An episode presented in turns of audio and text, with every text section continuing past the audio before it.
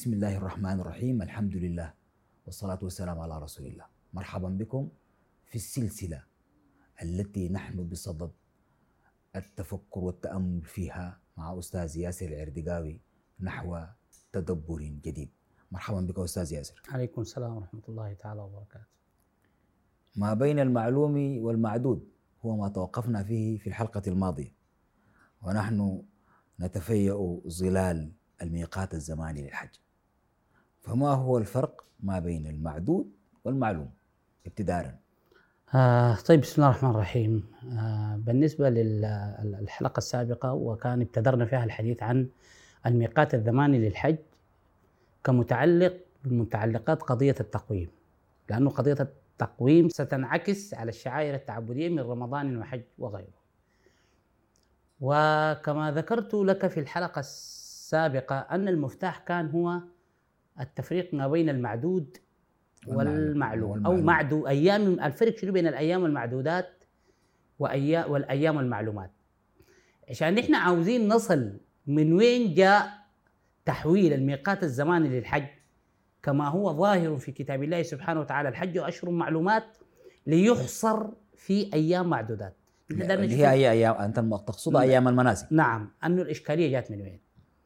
وزي ما قلت لك أنه الإشكالية جاءت من الفهم الخاطئ نتيجة أن النبي عليه الصلاة والسلام حج حجة واحدة وتم القياس على أن هذا الوقت الذي حج فيه النبي عليه الصلاة والسلام من ضمن الأشهر لا ينبغي مخالفته مع أن النبي عليه الصلاة والسلام ليس في أقواله ما يدعو إلى التوقف أو التزام تلك الأيام تحديدا. حتى في التعبير النبوي ما وردت. والقرآن واضح في أن الحج أشهر. طيب من وين جاء الاختلاف في الأيام المعدودات والأيام المعلومات؟ أنه معدود تفيد حصر العدد والمعلوم هو معدود وتم إضافة صفة أخرى علمية أكسبته صفة معلوم. يعني شنو؟ كل معلوم معدود. كل معلومات معدودات. لكن ليس كل معدودات معلومات. هي إضافة صفة فقط. فمثلا يا ضياء إذا يعني إذا إذا ضربنا مثل بيكون أقرب شوية. طبعا لو قلت لك عندك حافز 5000 أو خلينا من حافز عشان ما طوالي تقول دي فلوس يعني. قلت لك يا ضياء يا أخي عندك آه، خمسة ألف وخمسة ألف يمكن ذاته تعرف يا أخي قلت لك عندك خمسة. في واحد قال لك عندك عندي خمسة. تعال تقول لي خمسة شنو؟ خمسة ده مش عدد؟ أي. معدود عدد. معدود لكن, لكن ما, ما معلوم. ما, ما معلوم لاني ما اديتك صفه علمية عشان أحدد لك ماهية هذه المعدودات. صحيح. خمسة دولار خمسة جنيه خمسة طوبات خمسة جاكيت خمسة طلب طاجن ما معروفة ذاته شنو الخمسة دي شنو. صحيح. هي نكرة خمسة. وبالتالي أنه لما تضيف لها صفة ثانية علمية بتحول من هذا المعدود بتحوله إلى معلوم, معلوم. طيب.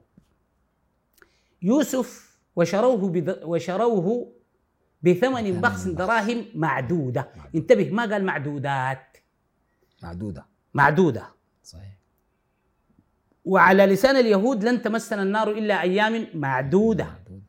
في رمضان في رمضان قال كتب عليكم الصيام كما كتب على الذين من قبلكم أياما معدودات. صحيح. معدودات تفيد حصر العدد مع عدم التكرار للحدث المعين. يعني يوسف ده اشتروه كم مرة أو شروه كم مرة؟ مرة واحدة بس. ودفعوا فيه الثمن وخلاص. القضية دي انتهت. لكن رمضان عندما قال أيام معدودات معناها حصر عدد من الأيام تتكرر كل شنو؟ كل. عام. ده الفرق بين معدودة ومعدودات. لا نحن دايرين نفرق بين معلومات ومعدودات. معدودات. الحج في عهد إبراهيم عليه السلام الذي أذن في الناس بالحج كانت الحج كله المناسك الميقات الزماني زايد أيام المناسك كلها عبارة عن أيام. لذلك أخذت صفة معلومات. كان في تطابق ما بين الميقات الكلي وما بين أيام المناسك. أيام المناسك. فالحج في عهد إبراهيم عليه السلام كان أيام معلومات. لأن هنالك تطابق ما بين أيام أداء المناسك وما بين الميقات الزماني الكلي. يعني يوم كذا ويوم كذا ويوم كذا. زي الحاصل الآن.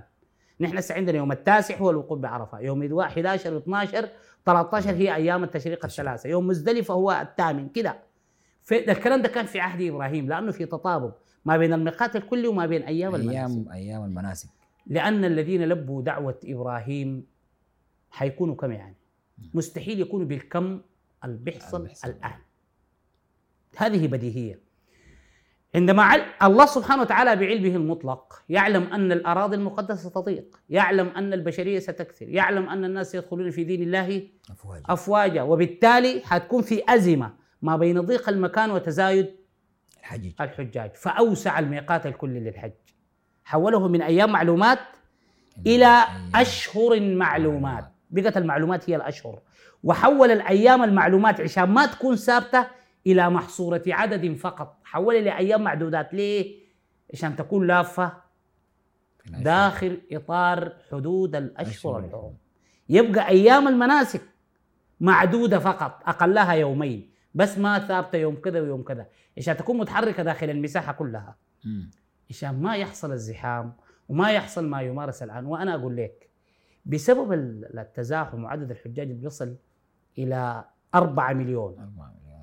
والوفيات اللي بتحصل بسبب التزاحم تدافع عشان ال- الدولة المنظمة المملكة العربية السعودية عشان تعالج القضية دي عملت شنو؟ عملت حاجة اسمها القرعه. وأنت تعلم القرعه تشريع ناقص. أنا لو- تلاحظ في في الحلقات السابقة صحيح. مش قلت لك أنا دائما بنبهني الخطأ أنا دائما بنبهني الخطأ الخطأ اللي بيتصادم مع إيماني بالله سبحانه وتعالى أو مع تصوري الإيماني لعلم الله دائما أي بحث كان الكليك فيه نقره بتاعت أنه الموضوع ده لا يتناسب ما- مع ما صح. الله. أنا أفتش. أفتش. عن- بتخليني أفتش. قالوا في قرعة. يا جماعة قرعة ليش شنو؟ عشان يقيموا شعيرة دينية، الشعيرة الدينية دي شرع منه؟ شرع الله. الله دار يعملوها بقرعة. يقول للناس تعالوا. وانت تقول لهم القرعة ده ما الله اللي بيعمل كده.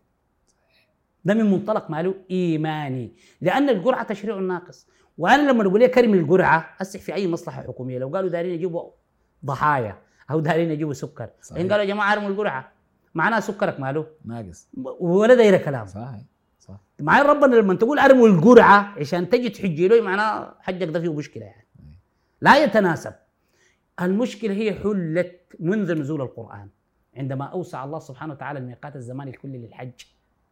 وحول الأيام من معلومات كما كانت في عهد إبراهيم إلى إلى معدودة. معدودات متحركة. يعني شنو؟ ما على الدولة المنظمة إلا تحدد أيام الحج أشهر الحج ونحن حنعرفها هي.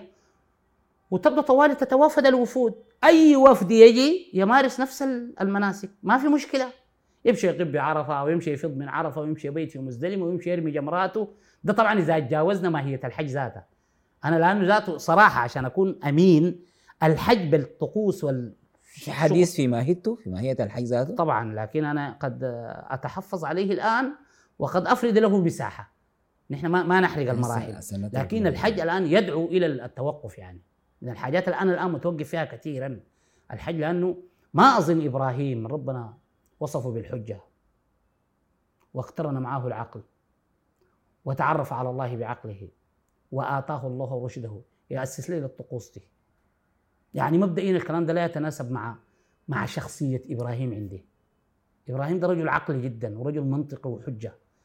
فما يعني ما قادر افهم أنه أسس على أنه أنا أجي الف عليه حول بيت أبيض وأجري بين حجرين وأمشي هناك اجدي عليه في شيطان وأجي انوم في أنوم في مزدلفة ورابط لي قطعتين عشان أبقى معاك يعني التصور ده أنا ما قادر انسجم معه مع دي دي الحاجة اللي بنذكر بها إبراهيم إبراهيم ده أعظم من اللي إحنا بنتخيله طيب عشان ما الكلام الناس كمان تخلي أي. الميقات الزماني تفسير. الآن هاي في دائرة الميقات الزماني للحج تقاطعها مع ثبات التقويم وعلاقته بأداء أنا الشعائر. بصراحة ليس لدي ما أخشاه. الحاجة اللي بدين بها لله سبحانه رب العالمين بذكرها. لكن قد آه، نجد مساحة يعني نفرد لهذا له مساحة. ل- لهذه القضية. الآن الميقات الزماني للحج المفترض يحسم.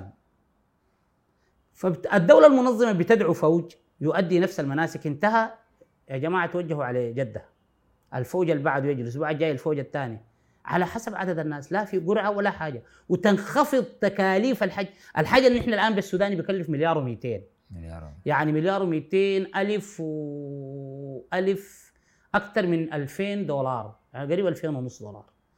لو بالطريقة دي التذكرة بتاعت السفينة بعبود وستة يوم لو تاكل آه، أغلى الأكل.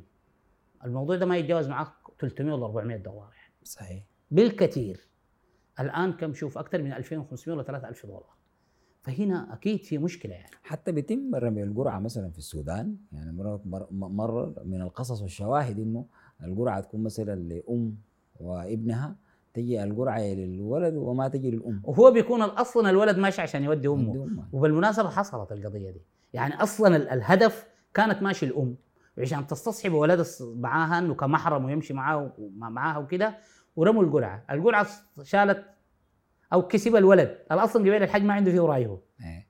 أو ما مستعد هو سايق أمه. أيوه. والام ال- اضطروا أنه يمشي يشتري فرصة. ودي مشكلة. يعني كيف مشكلة؟ ما في واحد ممكن يخش القرعه وهو أصلا ما داير حج. ما يجي بعين يبيع الفرصة.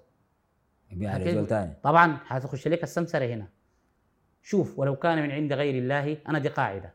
لوجدوا فيه اختلافا كثيرا. أي تشريع هو ما من عند الله ما من القرآن اصله تجد فيه اللغط. مستحيل ينسجم. وإلا لا وإلا لما نحن نؤمن بوحدانية المشرع سبحانه وتعالى. صحيح. سبحانه وتعالى. سبحانه وتعالى. اذا أنا هذه دعوة أطلقها للجميع وأخص بها القائم على الأمر ولي العهد. أنا متأكد الرجل ده لو مخمخ الموضوع ده ممكن يطلع فيه قرار. وهذه القضايا مش شفت قضية التقويم. قضية الميقات الزماني للحج. هي ما بتجي بأخوي وأخوك ورفع الوعي وكذا داير قرار سياسي جريء.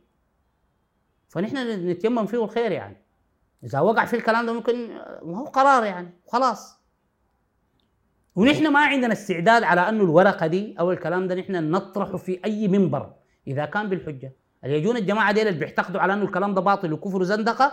نحن بنناقش يعني بأدلتنا أو ممكن نتناول القضية دي بشيء من التوسع. وهذا ما يؤسس له هذا البرنامج. هي حجة. أنت الآن هو البرنامج يسمى نحو تدبر جديد. بالضبط كده. أنت ترمي حجر في بركة الساكن وتشتغل على مستوى النص القرآني. من له حجة فليأتي ويقارعها. بحجة أخرى يعني. بالضبط كده. هذا هو الأصل. هي ليست محاكمة أيوة. كما قلنا في, بالضبط في. مطلع البرنامج. فالكلام يكون هو للإسماع لا للإقناع وللإفهام لا للإفهام لأن القناعة هي مسألة شخصية في النهاية. صحيح. فدي نحن بنقول يا جماعة إن هذا الوجود هذا العالم هذا الوجود سائر إلى الأمام. ولن ينتظرنا حتى نفرغ من تأوهاتنا وتنهداتنا لينصفنا من خصومنا. فيجب أن ننصف أنفسنا بأنفسنا ومن أنفسنا. أنت إذا ما أنصفت نفسك واشتغلت على نفسك وعالجت واقعك ما في حد بيشتغل في. والدول الأخرى والعالم الآخر بيتفرج فيك وأنت بتقتتل وأنت تتشرذم وما قادر تقدم أي معرفة ولا قادر تنتج حضارة، أنا بسألك الدول العربية والإسلامية دي لو ما البترول عندها شنو؟ شيء ما عندها حاجة، ما عندها حاجة والله. اذا نحن وبين أيدينا كتاب من عند الله بيور نظيف ليس فيه شائبة وليس فيه خلط، والواقع يقول غير ذلك، معناها الاختلاف ليس في الكتاب، إنما الاختلاف حول الكتاب. حول وأنا أذكر أحد ال- الإخوة الملحدين سألني قال لي أنت عندك قاعدة بتقول ولو كان من عند غير الله لوجدوا فيه اختلافا كثيرا. قال لي طيب القرآن ده مش عند الله؟ قال لي قلت له أي. قال لي ليه أنتوا اختلفتوا؟ مليون فرقة ومليون رأي وأي واحد درجه يشرع فيه. معناه ما من عند الله. لأنه على حسب قاعدتك لو كان من عند الله ما كان حصل فيه اختلاف. الاختلاف. كان السؤال صاعق بالنسبة لي لأنه هدم القاعدة بتاعتي. لكن لما فكرت فيه قلت له يا سيدي الاختلاف ليس في القرآن إنما الاختلاف نتج حول القرآن.